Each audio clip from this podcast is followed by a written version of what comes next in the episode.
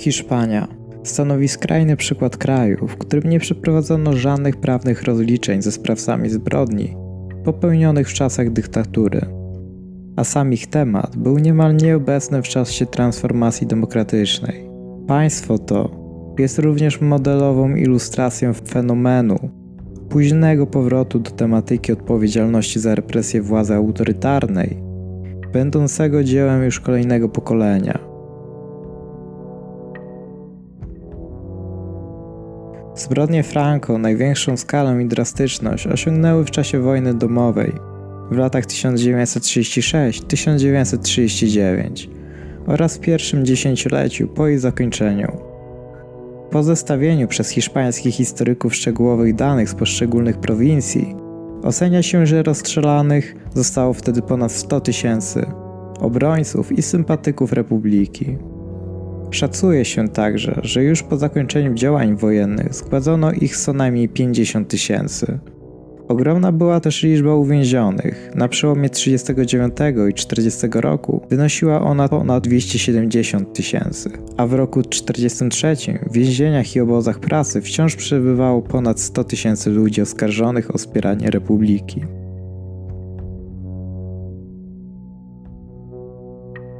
Skala zbrodni popełnionych przez obóz Franco, nawet biorąc pod uwagę tylko czas pokoju, wielokrotnie przewyższała nie tylko liczbę ofiar dyktatur w Portugalii i Grecji, lecz także w Ameryce Łacińskiej, włącznie z Argentyną, gdzie represje miały szczególnie brutalny i rozległy charakter, a liczbę zamordowanych szacuje się na około od 9 do 10 tysięcy.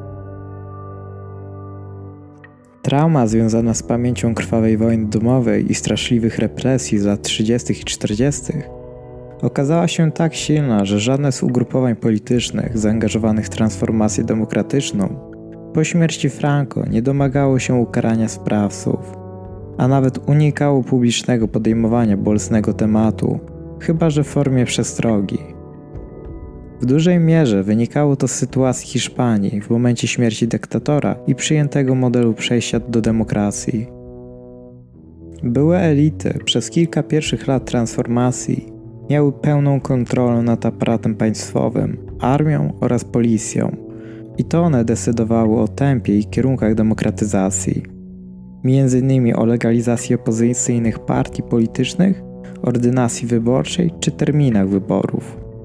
Za zamknięcie okresu przejściowego wielu obserwatorów uznaje dopiero pokojowe demokratyczne przejęcie władzy po wyborach w 1982 roku, wygranych przez opozycyjną partię socjalistyczną, która w czasie kilkunastoletnich e, nieprzerwanych rządów również nie podjęła żadnych prób zmierzenia się z przeszłością wojny i dyktatury. Kontrola przemian politycznych przez byłą elitę, a także szeroko rozpowszechniony lęk przed antydemokratycznym przewrotem czy nawet kolejną wojną domową, tłumaczą dlaczego w momencie transformacji nie doszło do czystek personalnych uderzających w ludzi starego reżimu, ani do jakichkolwiek prób wymierzenia sprawiedliwości winnym represji i zbrodni okresu frankizmu. Istotą hiszpańskiej transformacji było poszukiwanie kompromisu i konsensusu w najważniejszych sprawach, m.in. w kwestii konstytucji. W głębszym wymiarze przypadek Hiszpanii potwierdza spostrzeżenia politologów i socjologów, że do rozliczeń i czystek nie dochodzi, albo mają one bardzo ograniczoną skalę tam, gdzie siły starego porządku nie skompromitowały się przegraną wojną lub obniżeniem poziomu życia szerokich mas w wyniku nieudolnej polityki gospodarczej czy kryzysu ekonomicznego. Przeciwnie, rządy Franco przyniosły Hiszpanom poczynając od początku lat 60. bezprecedensowy wzrost zamożności, a także stopniową liberalizację polityczną i otwarcie na świat. To dopiero po jego śmierci Hiszpanię uderzyły fale ogólnoświatowego kryzysu lat 70., co sprzyjało jeszcze większemu docenieniu prosperity za czasów dyktatury. Nieprzypadkowo znacznie szerszy wymiar miały rozliczenia po upadku reżimów w Argentynie i Grecji gdzie oddający władzę wojskowi skompromitowali się przegranymi konfliktami zbrojnymi, czy nawet w Portugalii, gdzie rządy autorytarne odpowiedzialne były za ciągnące się od początku lat 60. wojny kolonialne, drenujące zasoby ludzkie i gospodarcze i tak niezbyt zasobnego kraju. Biorąc pod uwagę wszystkie te czynniki, warto jednak poddać refleksji tę utrzymującą się zadziwiająco długo wstrzemięźliwość wobec przeszłości, a także późniejszą erozję tego swoistego paktu zapomnienia. Ukranie winnych zbrodni z czasów wojny domowej i dyktatury nie znalazło się w programie żadnej partii politycznej po śmierci Franco. Sytuacja w Hiszpanii zaczęła się zmieniać dopiero na początku XXI wieku, a impulsem do tego były oddolne inicjatywy społeczne.